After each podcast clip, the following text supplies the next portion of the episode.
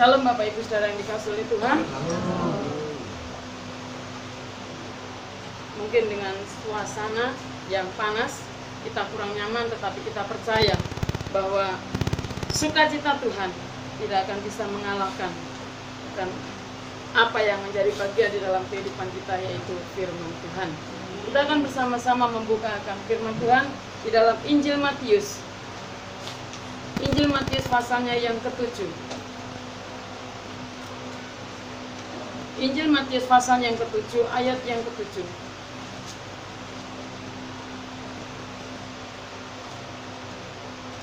Matius pasalnya yang ketujuh. Kita memperhatikan ayat yang ketujuh sampai dengan ayatnya yang ke sebelas.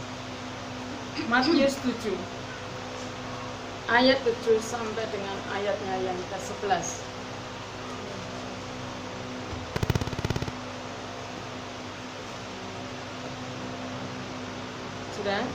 Matius 7 ayat 7 sampai dengan 11 kita akan perhatikan di dalam Alkitab masing-masing dan saya akan bacakan ayat demi ayat. Hal pengabulan doa. Mintalah, maka akan diberikan kepadamu. Carilah, maka kamu akan mendapat. Ketuklah, maka pintu akan dibukakan bagimu. Karena setiap orang yang meminta, menerima, dan setiap orang yang mencari, mendapat, dan setiap orang yang mengetok, baginya pintu dibukakan. Adakah seorang daripadamu yang memberi batu kepada anaknya jika ia meminta roti, atau mengambil ular jika ia meminta ikan? Jadi, jika kamu yang jahat tahu memberi pemberian yang baik kepada anak-anakmu, apalagi Bapamu yang di surga, ia akan memberikan yang baik kepada mereka yang meminta kepadanya. Demikian pembacaan firman Tuhan siang hari ini. Berbahagialah setiap kita yang akan bersama-sama merenungkan pada siang hari ini. Bapak Ibu Saudara yang dikasih oleh Tuhan, kita berminggu-minggu tetap membicarakan tentang yang namanya doa. Apa sih doa itu?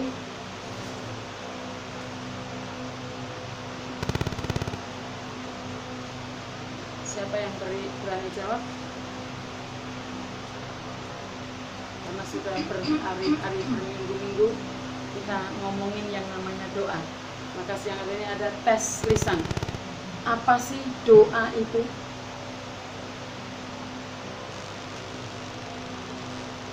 Apa harus diiming-iming hadiah? Komunikasi dengan Tuhan. Doa itu adalah komunikasi dengan Tuhan. Ngomong-ngomong, ngerumpi, ngobrol, tapi dengan Tuhan Yesus. Nah, hal ini sebagaimana diperlihatkan di dalam pengajaran daripada para nabi dan rasul. Begitu juga dengan kehidupan kita orang-orang percaya dalam hubungannya dengan Tuhan. Bahwa doa itu mengandung satu peranan yang penting di dalam kehidupan kita. Tetapi kenyataan yang kita hadapi banyak yang menyalahartikan tentang doa. Pertama, ada orang yang berdoa kalau dia sedang sedih, susah, sedang kepepet, salah, baru dia ingat berdoa. Yang kedua, ada orang yang memanfaatkan atau menggunakan doa itu sebagai mantra buat campi-campi karena ada banyak sekarang mbah dukun ditanya dulu. Kalau datang kepada dia apa agamamu? Kalau dia bilang Islam pakai ayat-ayat Al-Quran. Tapi kalau bilang Kristen dia panggil nama Yesus. Hebat supaya orang gak ragu. Itu loh kalau ke sana dia berdoa dengan nama Yesus kok. Jadi nggak apa-apa tapi ada yang juga sampai hilang akan yang namanya sebuah kepercayaannya kepada Tuhan dan menganggap bahwa Tuhan itu tidak ada. Karena apa? Karena pada doanya tidak juga membawa perubahan di dalam hidupnya. Sehingga dia beranggapan, ah berdoa sama enggak, podo wa, wai, sama saja, samirawon. Tidak ada ngaruhnya, nggak ngepek jadi biasa-biasa saja. Aku mau makan berdoa, ya tetap makan sama ikan teri. Nggak berdoa juga sama ikan teri. Jadi nggak ada apa-apanya. Nah, Bapak Ibu Saudara yang dikasih oleh Tuhan, hal ini yang akan kita pelajari dari apa yang sudah kita baca bersama-sama pada siang hari ini, kita akan melihat bagaimana daripada makna atau arti dan kuasa doa itu di dalam hidup kita. Karena kita sudah melihat beberapa alasan yang saya sampaikan tadi. Lalu yang sebenarnya itu doa itu apa sih? Doa itu maknanya apa sih? Kuasanya dari doa itu ada enggak sih? Di dalam nas yang sudah kita baca tadi, di situ Tuhan Yesus mengatakan tentang hal pengabulan doa. Dan dikatakan di situ, mintalah, maka akan diberikan kepadamu. Carilah, maka kamu akan mendapat. Ketuklah, maka pintu akan dibukakan bagimu. Bapak Ibu, di saat kita membaca bagian firman Tuhan satu ayat ini, sepertinya enteng, enak, minta dikasih cari dapat ketuk buka. Padahal kadang-kadang kita ngetuk rumah orang belum tentu dibuka kita udah ketuk-ketuk gedor-gedor eh gak dibuka-bukain juga. Apalagi kalau kita datang ke situ dengan nagih utang. Walaupun orangnya di dalam ah gak usah dibukain dia pasti minta uangnya sama saya kalaupun ada anaknya bilang mama gak ada mama pergi Dalam kita mencari sesuatu juga tidak mudah. Harus keluar tenaga, keluar ide, keluar pikiran dan lain sebagainya. Baru kita mendapatkan sesuatu. Tetapi firman Tuhan siang hari ini katakan, mintalah maka kamu akan diberikan. Cari kamu akan dapat. Ketuk pintu akan dibukakan. Bapak Ibu Saudara yang dikasih oleh Tuhan, dari ayat yang ketujuh ini ada sebuah pertanyaan besar di dalam kehidupan kita. Apakah kita percaya atau meyakini dengan apa yang dikatakan oleh firman Tuhan?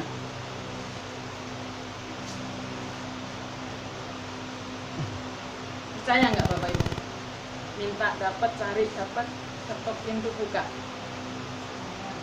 Percaya? ragu-ragu. Mana Pak Pendeta? Percaya nggak dengan perkataan Tuhan siang hari ini? Percaya. Percaya nggak dengan kata-kata firman Tuhan hari ini? Ragu-ragu? Bimbang? Takut? Enggaknya setengah-setengah. Bapak Ibu saudara yang dikasih oleh Tuhan, ini merupakan satu tantangan di dalam hidup kita. Apa kita percaya? Apa kita yakin dengan yang dikatakan oleh Tuhan? Dan seperti yang dikatakan tadi bahwa doa itu adalah komunikasi kita dengan Tuhan. Percakapan kita dengan Tuhan. Pembicaraan kita dengan Tuhan. Dan melalui doa kita itu memperlihatkan kita sedang menunjukkan akan kedekatan kita dengan Tuhan. Jadi pada saat kita berdoa, pada saat kita berbincang-bincang dengan Tuhan, saat kita ngobrol, ngerumpi dengan Tuhan, di situ kita menunjukkan sebuah hubungan yang erat. Hubungan yang dekat antara Allah dengan kita.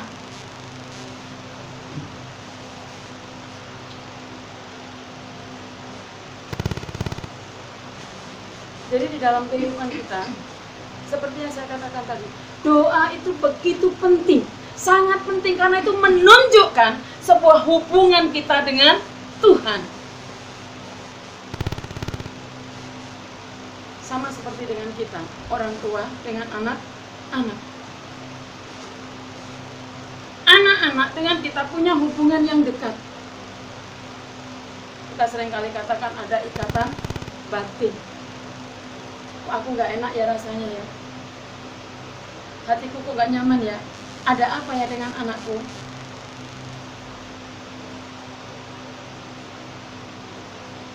Biasanya kalau saya langsung HP diambil. Ada apa nak? Begini, begini, begini. Rasa. Seperti tadi, Bapak setelah keluar saya nyusul, nggak nyaman buat saya. Karena saya tahu persis hati mama, hati orang tua. Tahu kalau anak saya yang laki-laki itu modelnya seperti ini, anak saya yang perempuan itu seperti ini. Punya kepekaan tersendiri, punya insting tersendiri, ada ikatan. Dengan dia berdiri begini, di sini saya langsung main. Benar. Nah, ada hubungan yang dekat antara orang tua dengan anak. Ngerti, paham. Demikian juga dengan kehidupan kita sebagai orang tua. Dengan Tuhan. Kita ini anak-anak Tuhan. Maka Tuhan juga tahu persis akan keadaan kita, kondisi kita. Makanya dikatakan sebelum kita meminta, Tuhan sudah tahu. Karena apa? Dengan kita panggil nama dia, dengan kita berseru kepada dia, dengan kita ngobrol sama dia, di situ kita punya hubungan yang karib, yang erat. Kalau kita nggak punya hubungan yang karib, kita akan malu bercerita apa yang menjadi keluh kesah kita, apa yang menjadi keperluan kita. Saya istrinya Pak Hardi. Saya apa-apa, ingin apa-apa, ngobrol sama dia. Nih ya, saya pilih ini, ini, ini, ini. Dia paling nanya, ya bisa pilih, ya bisa ya sudah. Ya mungkin saya akan ngomong ke Pak Cornelis. Karena saya punya hubungan dekat dengan Bapak. Sama anak-anak kepada kita, makanya kenapa mereka berani, Mak minta 2000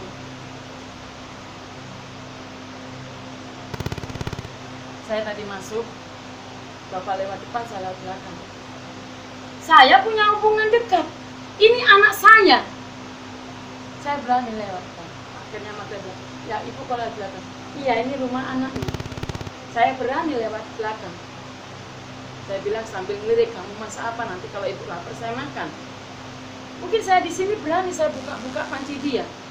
Tapi belum tentu saya di rumah orang lain berani buka-buka seperti di rumah Magda.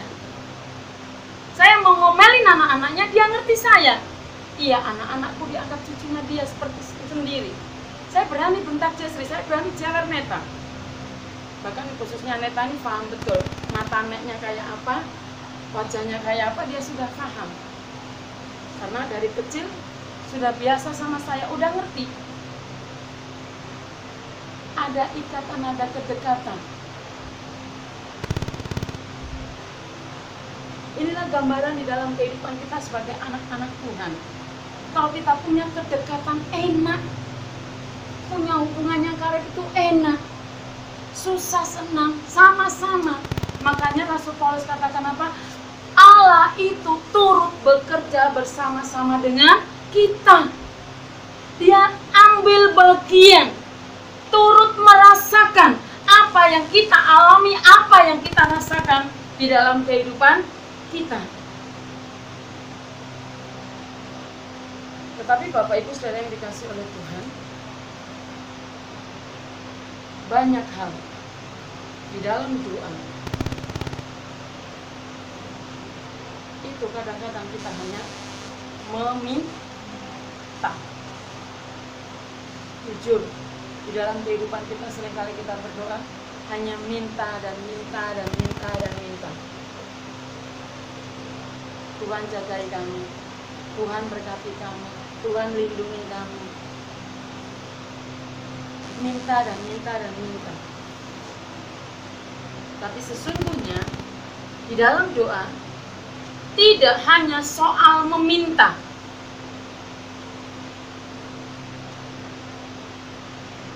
Tetapi yang perlu kita perhatikan di dalam doa, yang pertama, kita harus meyakini akan kuasa Tuhan di dalam kehidupan kita sebagai sumber kehidupan kita. Dan kita patut bersyukur. Jadi Bapak Ibu Saudara yang kasih Tuhan, melalui doa perlu adanya sebuah keyakinan. Yang kedua, kita minta pengampunan dosa dari Tuhan. Sehingga segala perbuatan yang tidak baik kita dapat mengakuinya kepada Tuhan dengan jujur. Nah, firman Tuhan juga katakan, Barang siapa yang mengaku akan segala dosanya, ia adalah setia dan adil. Jadi kita nggak usah menutup-nutupi kesalahan kita. Fair saja sama Tuhan. Kita terus terang kepada Tuhan salah apa tadi. Aku salah apa tadi sama Tuhan kita ngomong langsung kepada Tuhan memang biasanya di dalam doa kalau pas persekutuan bersama-sama kita seperti ini kita hanya bilang Tuhan ampuni segala pelanggaranku dosaku. Dan biasanya dosa yang tidak disengaja ataupun disengaja. Kalau saya jadi Tuhannya yang sengaja yang mana yang tidak disengaja yang mana? Bapak Ibu kadang-kadang kita melakukan kesalahan itu ya mungkin kepleset ya. Yang mungkin kita katakan yang nggak sengaja eh nggak sengaja. Kayak anak-anak kalau sudah mukul sudah saya kasih tau eh kok tangannya pakai mukul? Nggak sengaja. Sudah ngeledek nama orang tua nggak sengaja tadi kesebut nah tapi mari kita bersama-sama belajar kita pribadi berdoa kepada Tuhan. Ya kita sama-sama katakan Tuhan aku siang tadi itu sudah salah dengan mama. Aku sudah nyakitin mama sehingga mamaku menangis Tuhan aku sudah nggak dengar Tuhan apa yang jadi nasihat mama aku nggak dengar panggilan mama Tuhan aku tadi sudah ngambil uang bila 2000 di dompet mama Tuhan coba berani nggak kita ngomong gitu sama Tuhan Walaupun jarang kita lakukan itu.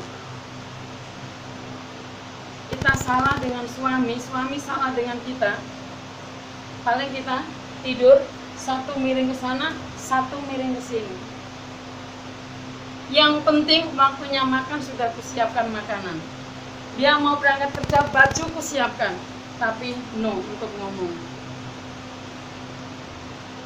Karena apa? Ada kesalahan yang sudah kita buat atau suami kita sudah salah sama kita. Kalau sudah diingatkan, kan Bu Pendeta, tugas saya sebagai istri sudah saya kerjakan semua. Dia datang saya buatkan kopi, sudah siap makan di situ. Mau dimakan, mau diminum, nggak mau tahu. Tapi maaf untuk ngomong no. Ini namanya bukan penyelesaian sama dengan kita sebagai anak-anak Bapak Ibu jujur saya merasa benar-benar menjadi anak berat itu waktu saya melahirkan. Dua anak ini.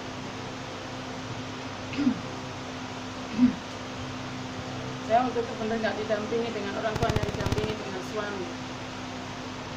Dan waktu itu benar-benar saya menyerahkan diri Tuhan ini saya. Karena di telinga itu sudah sering kali mendengar kalau orang melahirkan tuh kata orang Jawa toh nyowo jadi taruhannya itu nyawa Redik nggak nggak terlalu, tapi di situ pun saya sudah Tuhan Terima kasih kalau selama ini saya punya orang tua yang baik. Ampuni saya Tuhan sebagai anak. Kalau saya sering kali sama mama itu ngeyel gitu ya. Kalau dibilang nggak mau dengar, kalau mau ini, ampuni saya Tuhan. Ternyata dulu mama saya, apalagi saya sudah mendengar waktu hamil saya aja repot gitu ya. Yang pingin ke sono, pingin ke sono, pingin makan di kebun binatang dan lain sebagainya. Repot waktu mama saya hamil saya. Ditambah lagi dengan melahirkan Iva semalam di situ saya benar-benar Tuhan ampuni saya sebagai anak. Saya sudah dosa besar sama mama saya. Ternyata orang melahirkan itu seperti ini sakitnya. Makanya firman Tuhan tuh nggak salah tulis. Benar. Makanya kenapa jangan pernah berani dengan yang namanya mama nya taruhannya nyawa ini kalau bisa selamat anak saya saya mati nggak apa-apa gitu.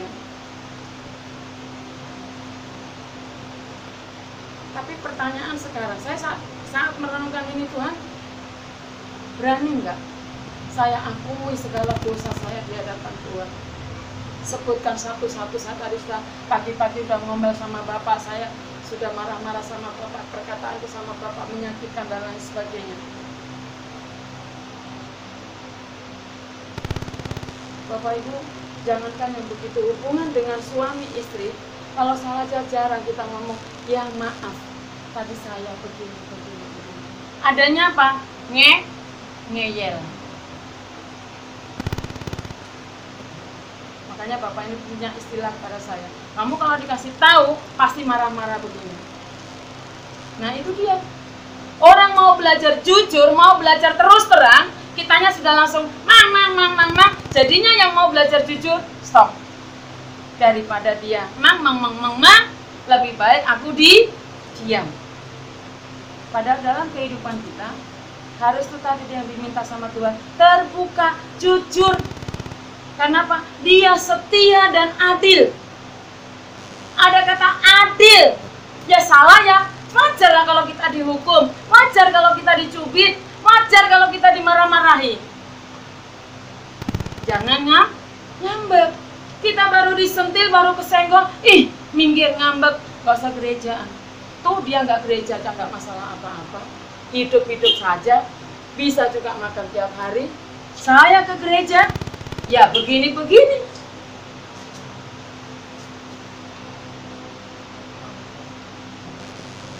Bapak Ibu, yuk sama-sama kita belajar seperti yang firman Tuhan katakan dalam kehidupan kita. Jadi dalam kehidupan kita akui akui akan segala perbuatan yang tidak baik kepada Tuhan.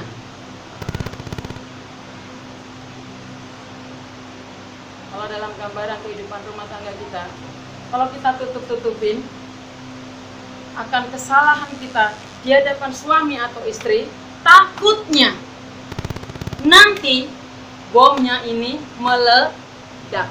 Kalau sudah meledak, dar, rumahnya terbelah nggak tahu mau jadi berapa. Kalau sudah begitu, saya menyesal Pak Pendeta. Jangan sampai seperti itu. Demikian juga kita dengan anak-anak kepada orang tua. Gak apa-apa, ngomong jujur. Ma, aku sudah ngambil uangmu tadi, Ma tadi mama taruh uang di sini sudah aku pakai mak untuk beli ini. Nggak mungkin orang tua akan marah-marah nggak mungkin akan ngusir. Paling-paling dibilang besok lagi jangan ya. Kalau mau ngambil kalau mau pakai ngomong dulu sama mama. Siapa tahu uang itu sudah ada posnya mau dikemanain. Nah bapak ini biasanya ngomongnya gitu. Mau dia ngomong apa? Sudah dipakai sama ah, anak. Orang lain saja aku kasih masa anaknya nggak ngasih. Tapi ya janganlah ngambil sendiri tanpa izin. Bapak Ibu saudara dikasih Tuhan. Selain kita meminta pengampunan kita juga harus meng untuk mengungkapkan segala sesuatu yang kita rasakan dan kita lakukan kepada Allah. Jadi waktu kita mau berdoa, punya keyakinan, minta ampun, utanakan. ungkapkan semua kebutuhan, keperluanmu, keluh kesahmu, kesedihanmu kepada Tuhan.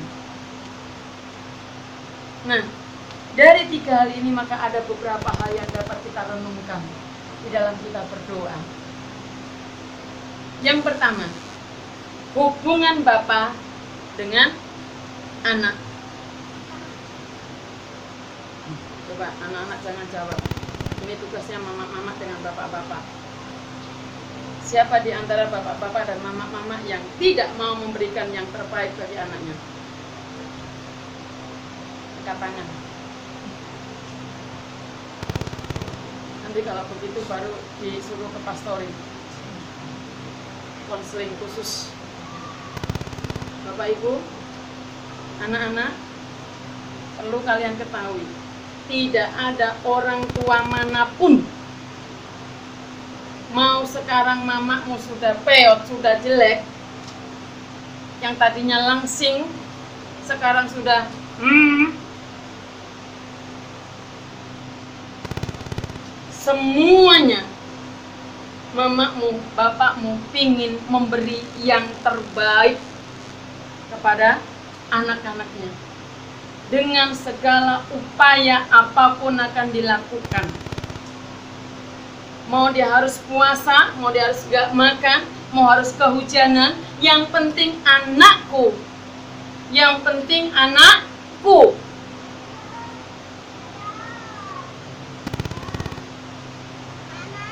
Demikian juga dengan Tuhan Yesus. Tuhan Yesus juga punya hal yang seperti ini dia pasti akan memberikan yang terbaik kepada anak-anaknya. Siapa anak-anaknya? Kita-kita yang percaya kepada Dia.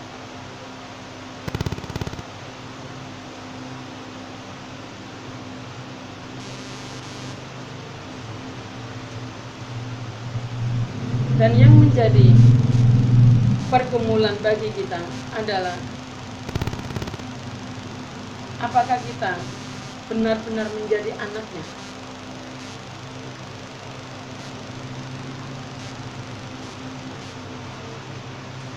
Pertanyaan apakah aku ini sungguh-sungguh anak Tuhan Yesus? Apakah kita ini anak tiri atau anak kandung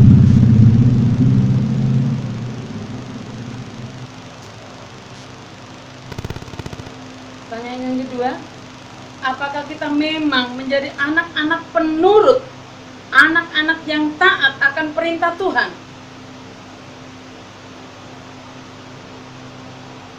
Bapak Ibu, dua pertanyaan ini Bapak Ibu sendiri yang bisa jawab. Apakah saya adalah benar-benar anak Tuhan Yesus? Bukan hanya saya anak Tuhan Yesus. Apakah saya benar-benar anak Tuhan Yesus? Dan apakah kita memang benar menjadi anak yang taat menurut akan perintah Tuhan? Jika jawabannya iya buat Bapak Ibu adalah anak-anak yang benar-benar dan menurut akan firman Tuhan, maka tidak ada yang mustahil.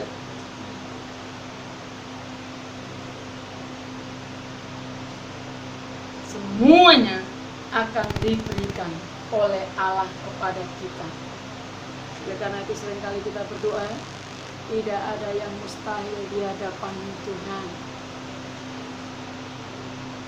tidak ada yang tidak bisa Tuhan kerjakan untuk saya. Bapak Ibu, saat kita bercakap yang seperti ini, apakah memang benar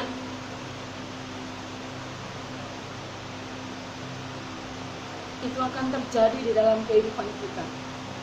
Kadang-kadang, nah, kok yang ku minta nggak datang-datang. Gak dikasih-kasih sama Tuhan. Aku minta sembuh saja, gak dikasih-kasih sama Tuhan.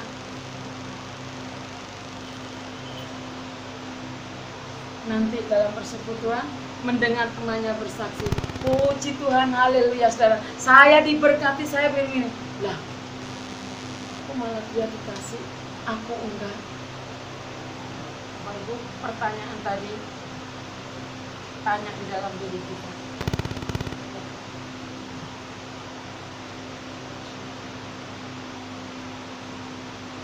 Bapak Ibu kasih oleh Tuhan, saya ngomong begini juga bertanya dalam diri saya. Jujur, pada saat Bapak mengumumkan di rumah Bu, saya sebagai istri punya keyakinan penuh kepada suami saya. Wah, kalau dia berani mengumumkan begitu, berarti kantongnya dia ada duit.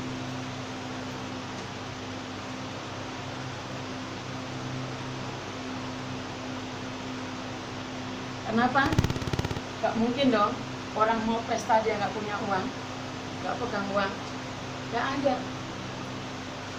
Tapi kenyataannya inilah suami saya yang berdiri dengan kakaknya saya gitu.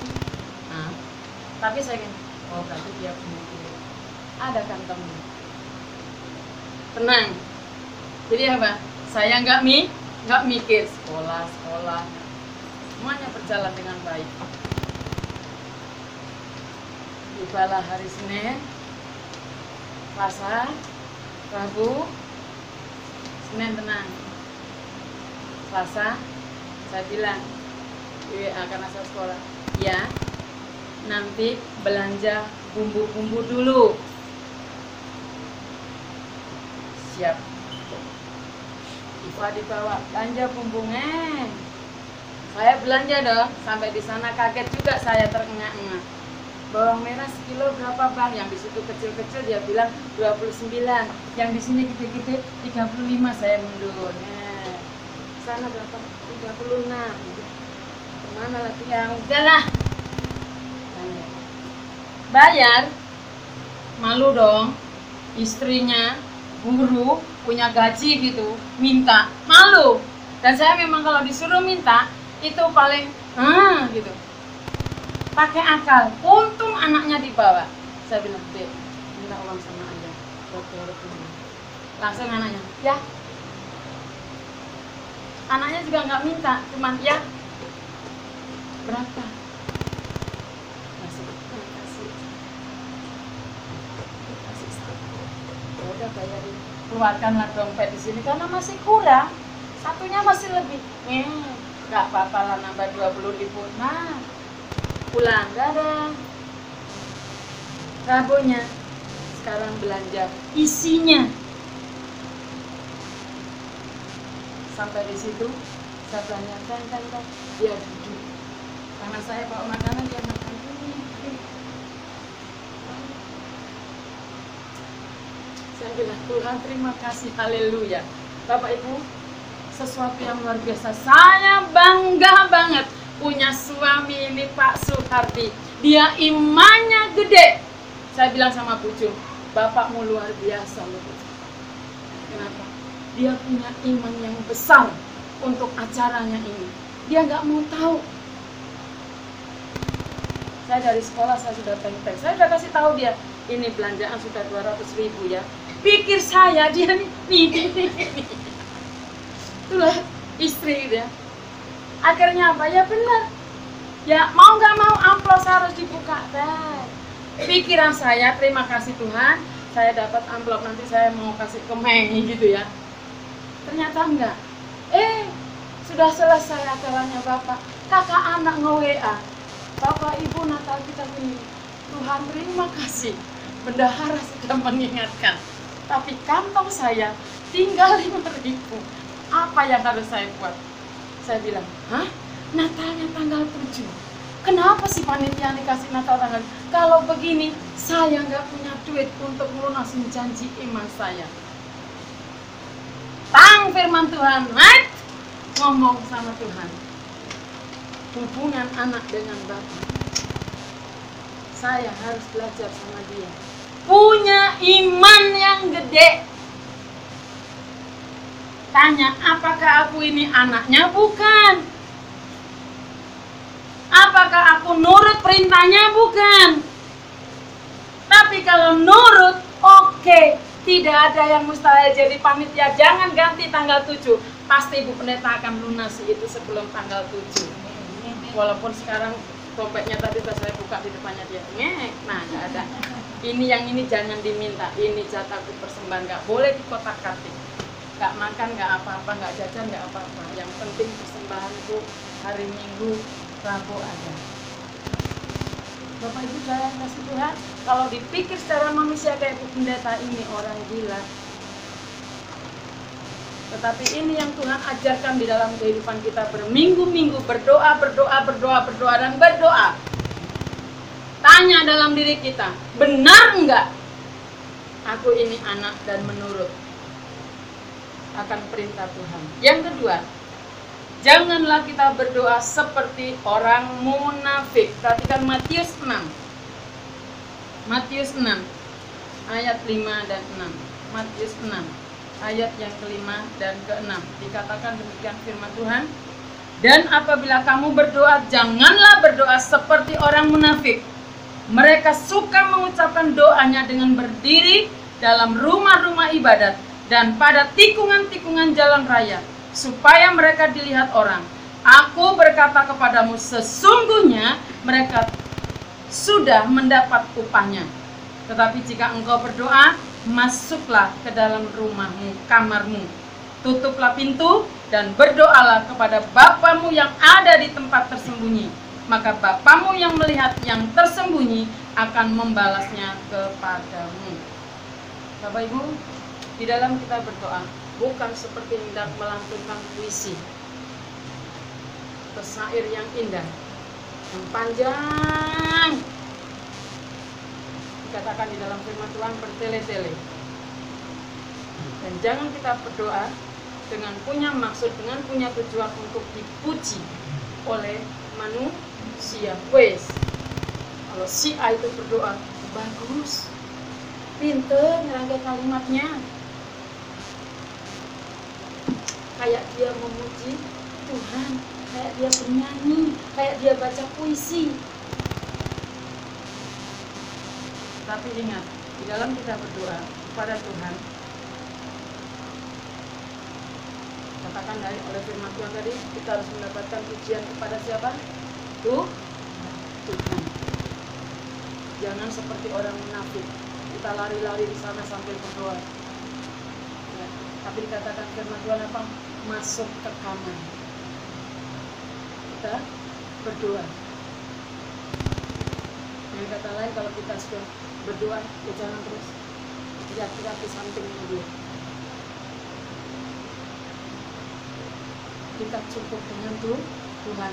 Kalau saya pingin baju baru terus saya berdoa Tuhan Yesus saya pingin baju baru di depan Bapak atau sama Bapak iya yang tersungguh oh istriku pingin baju baru nih itu sama saja minta ke dia.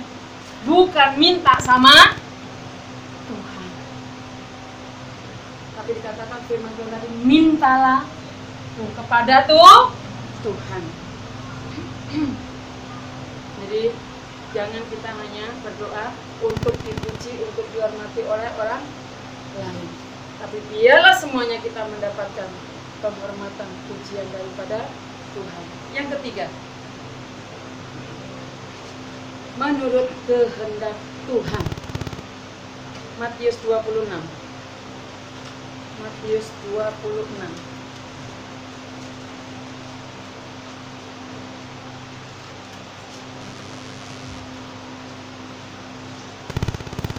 Matius 26 ayatnya yang ke-39.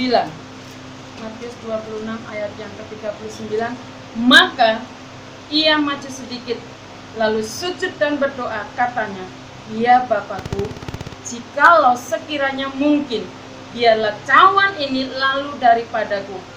Tetapi janganlah seperti yang ku kehendaki, melainkan seperti yang engkau kehendaki. Jika kita meminta permohonan kepada Tuhan, bukanlah sebuah paksaan bahwa Tuhan harus menjawab, Tuhan harus mengabulkan seperti apa yang kita minta.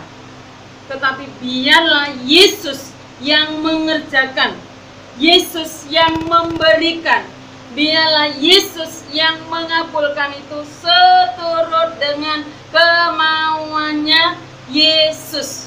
Ingat, doa itu adalah komunikasi. Gak mungkin Jezreel minta sepeda motor mau dikasihkan sama bapaknya.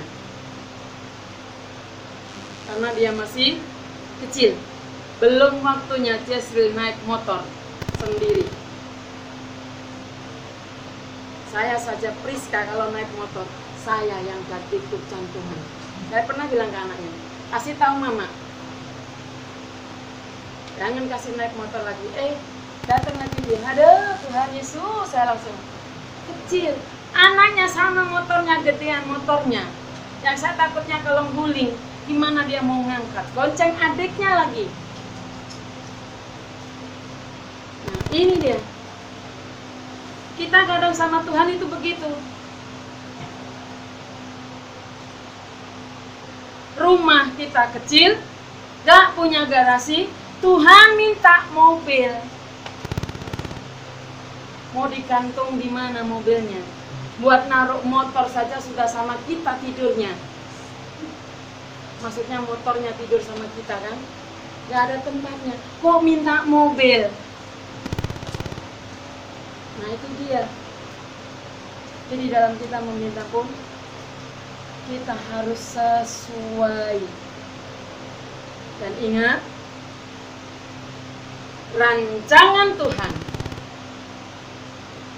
pemberian Tuhan itu adalah yang terbaik di dalam hidup kita. Mungkin menurut kita, ya ternyata Tuhan cuma kasih motor begini, Bapak Ibu kemarin kami ada gerak jalan untuk memperingati hari PJRI. Ada motor, semua teman-teman bunyi. Doa ya, sambil jalan doa ya supaya motornya kena sama kita semuanya. Saya sadar diri. Kalau saya dapat motor, gimana naiknya nanti? Jadi saya bilang, aku sepeda gunungnya aja deh. Nanti kalau sore aku mau naik sepeda gunung. Mikir juga bisa nggak aku naik sepeda gunung. Naik sepeda yang suka dibawa Mama Leonel aja goyang-goyang apalagi sepeda gunung. Dan akhirnya apa? Nggak keluar nomor kereta padahal sudah duduk di depan sudah dibelain meriwit-meriwit segala. Iyalah disuruh sama pengawas oke okay, oh, oh, ngambilin nono ini oke. Okay. pikirnya oh nanti aku pasti dapat nih nomorku dikeluarin. Sudah saya tunjukin nih pak nomorku ya? Iya iya iya gitu Bapak Ibu. Sama waktu saya jalan-jalan sama bapak aku pengen sepeda itu ya enak nanti aku mau naik motor dia semangat iya iya iya. Karena dilihat harganya mungkin kecil. Tapi yang mau dibelikan mikir juga bisa nggak ya aku nanti naik sepeda itu? Tapi bersyukurnya saya kasih tahu eh harganya berapa tadi punya tuh? Emang berapa? Tujuh juta delapan ratus ya hah? Bukan tujuh ratus ribu 7 juta jadi. Jadi ya saya nggak jadi naik sepeda itu. Nah ibu nih sering kali kita seperti ini. Tapi biarlah kita belajar seperti Yesus. Dia memohon kalau boleh Tuhan cawan ini pinggirin. Tapi biarlah itu bukan menurut kehendakku bukan menurut kemauanmu tapi biarlah itu sesuai dengan kemauan kehendak daripada tuh Tuhan sampai hari ini kita masih harus keliling sono sini dalam puri kosami untuk ibadah, terima kasih Tuhan. Aku tetap mau belajar tekun. Aku mau tetap belajar setia Tuhan di dalam mengasihi Engkau. Walaupun aku harus berpindah-pindah di dalam aku bergereja, di dalam aku melayani. Setuju? Setuju? Masih seneng direpotin sama GKIN? Nah, Bapak Ibu, ini juga bagian kehendak Tuhan. Kita diuji sama Tuhan. Setia nggak kamu sama aku ini? Apalagi kayak gini. Udah empet-empet. Panas lagi. Ya enak. Jangan terus minggu depan daftar. Absen dulu aku Pak Pendeta. Mau kecil, mau gede, mau di luar, semangat untuk kita tetap melayani Tuhan. Karena ini adalah kehendak daripada Tuhan. Kita tunggu janjinya Tuhan. Yang iya dan amin itu mungkin bukan kita, tapi anak cucu kita yang akan menikmati. Sesuai dengan lagunya, anak cucu kita nggak akan minta Pasti kita akan diberi, diberikan. Amin. Yang terakhir, berdoa dengan roh dan akal budi. Nanti Bapak Ibu bisa baca dalam surat 1 Korintus 14 ayatnya yang ke-15 bahwa doa itu tidak cukup hanya kata-kata saja. Tetapi doa itu juga harus nyata di dalam kehidupan kita. Ini sudah saya singgung waktu ibadah di rumah Mama Piskam. Kalau sudah selesai berdoa, kita biasanya berakhir dengan bilang amin. Yuk, mulai siang hari ini saya ingatkan kembali stop untuk kita ragu-ragu, stop untuk kita takut, stop untuk kita kurang percaya. Kita berdoa, amin. Aku yakin Tuhan pasti dapat. Aku yakin Tuhan pasti aku bisa. Pasti aku menang. Pasti aku berhak berhasil. Itu baru kita percaya. Baru kita yakin panitia Natal sekarang mat, mat, mat, mat, harinya semakin hari, semakin maju, semakin maju, kok dananya masih segini. Yuk, serahkan sama Tuhan, sepenuhnya kepada Tuhan. Kita berdoa itu kita serahkan total, serahkan penuh kepada Tuhan. Dan kita mohon semuanya kerjasama yang baik. Bu, aku kan gak masuk dalam kepanitiaan. Ayo kerja sama-sama. Gak usah lihat kanan kiri, OP dan lain sebagainya Lihat tuh, Tuhan, Tuhan sudah lebih dahulu melayani aku. Tuhan sudah mengerjakan banyak hal di dalam kehidupanku. Inilah waktunya aku mau melayani Tuhan. Inilah waktunya aku mau memberikan hadiah yang terbaik buat tuh Tuhan. Amin.